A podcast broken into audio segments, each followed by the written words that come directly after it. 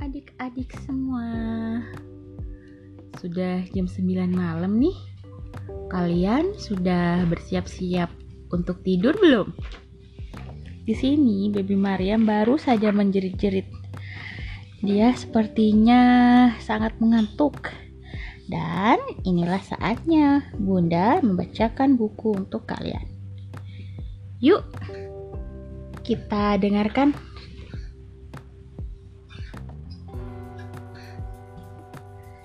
Aska mau request yang mana? Oke. Aduh, sakit. Ethel, kelinci kecil sakit gigi. Ibunya melihat ke dalam mulutnya dan menekan pelan-pelan. Aduh,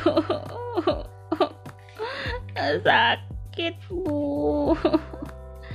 Kata Ethel. Ayah Ethel pulang dari tempat kerja. Ia melihat ke dalam mulut Ethel yang terbuka lebar. Aduh, aduh, aduh, sakit, kata Ethel. Orang tua Ethel tidak tahu apa yang salah. Jadi, mereka membawanya ke dokter gigi.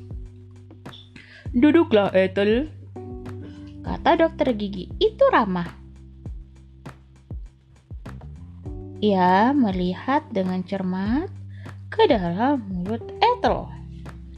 Sementara Ethel berusaha memberitahu bagian mana yang sakit. Dokter menyentuh gusi di belakang. Gusi di bagian belakang. Aduh, aduh, aduh, aduh sakit, kata Ethel. Dokter gigi itu tersenyum pada Ethel. Gigimu tidak apa-apa, katanya. Aku bisa melihat kau rajin menyikatnya dengan baik. Uh, orang tua Ethel bangga sekali. Tapi ada gigi tambahan yang tumbuh di belakang, sambungnya. Beberapa kelinci mempunyai apa yang disebut gigi bungsu tidak lama lagi akan selesai dan tidak akan sakit lagi. Ethel merasa penting. Sekarang ia mempunyai gigi bungsu.